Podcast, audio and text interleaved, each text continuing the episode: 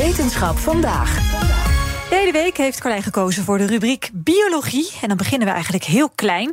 Carlijn Meinders, onze wetenschapsredacteur, die ging langs bij eh, laborant Loek van Buren in dierentuin Artis.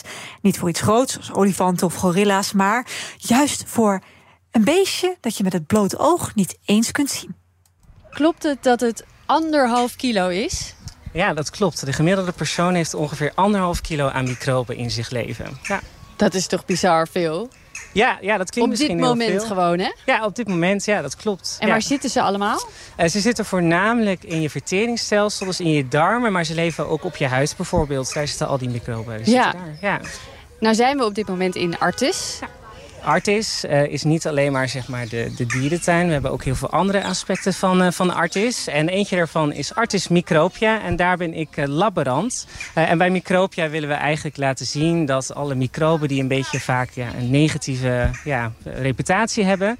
willen we graag laten zien dat ze juist heel erg nuttig zijn. En vandaar dat we ook Micropia hebben binnen Artis. Omdat we alle aspecten van de natuur willen laten zien. Dus ook het allerkleinste.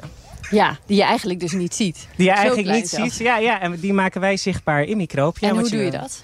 Ja, je kan ze zien onder de microscopen. Ja. Dus we hebben in het museum allemaal microscopen staan met allemaal microben eronder. En daar kun je ze ook echt zien. Eh, en dan vertellen we allemaal verhalen erbij. Ja. Noem eens een van die verhalen die het goed doen. Ja, die anderhalve kilo, die vinden Ja, die mensen heel leuk. goed. Ja, dat eh, klopt inderdaad.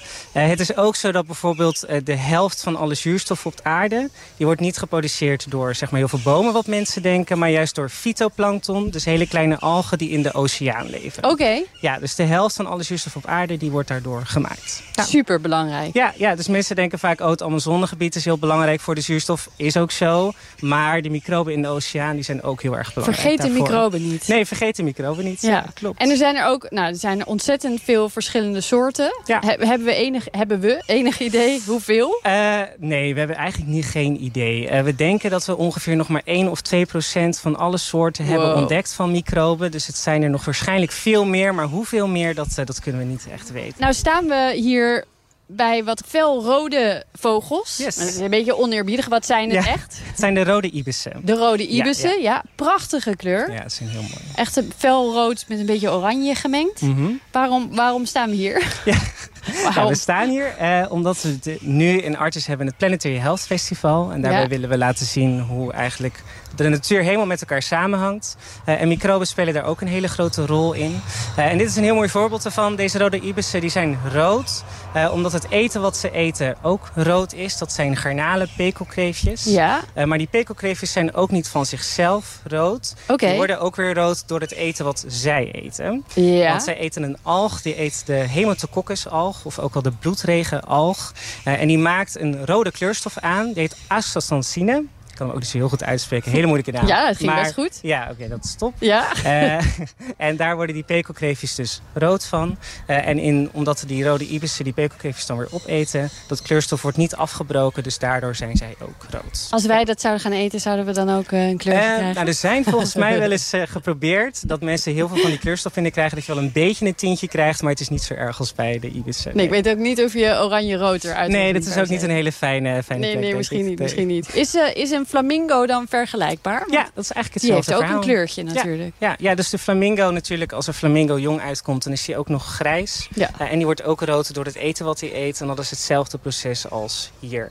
Eh, en misschien ook wel leuk om te vertellen, dat is omdat eh, die alg die maakt die kleurstof aan als een soort van zonnebrand. En de Ah. flamingo en de rode ibissen die gebruiken die kleurstof dus ook als een soort zonnebrand. Omdat ze in een hele zonnige omgeving leven. Dus het staat niet alleen leuk, het heeft ook nog een functie. Ja, het heeft zeker een functie. Ja. Dat is toch Ja. Bijzonder dat ooit dat zo is ontstaan. Ja, ja, het zijn heel veel dingen van elkaar afhankelijk. En eh, toen dachten ze opeens... Ja, ze dachten dat natuurlijk niet, dat is niet bewust Hey, gedaan. handig. Ja, heel handig. Zonnebrand. Ja, maar eh, inderdaad, zonnebrand, daar kunnen we wat mee. En eh, we kunnen beter overleven als we dit opnemen. Ja. Is er nog een dier ergens hier in de dierentuin waar zo'n relatie met de omgeving... Ja, er zijn heel veel dieren die dat doen. We hebben natuurlijk de flamingo's hier ook, de rode ibissen. eh, bijvoorbeeld ook de luiaards die we hebben in het apenhuis. Die hebben speciale algen groeien op hun huid. Oké. En die algen die voeden dan weer een soort van ja, eh, insecten die op die huid leven. En die kan de, bijvoorbeeld de luiaard dan weer gebruiken als een soort snack om van te leven. Dus dat is ook een Hij groeit mooie. zijn eigen snacks. Hij groeit zijn eigen snacks op zijn vacht. Ja, ja. Wat een dingen hebben we weer geleerd Ja. in zo'n korte tijd.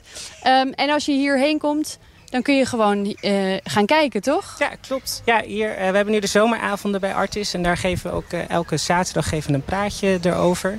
en je kan ook bij Micropia langskomen, want daar vertellen we die verhalen ook in veel Ja, en dan ben jij er en dan kun je ja. mensen weer wat leuke feitjes ja, meegeven. Ja, we hebben de laborant verteld en daar kunnen we dat meegeven. Superleuk.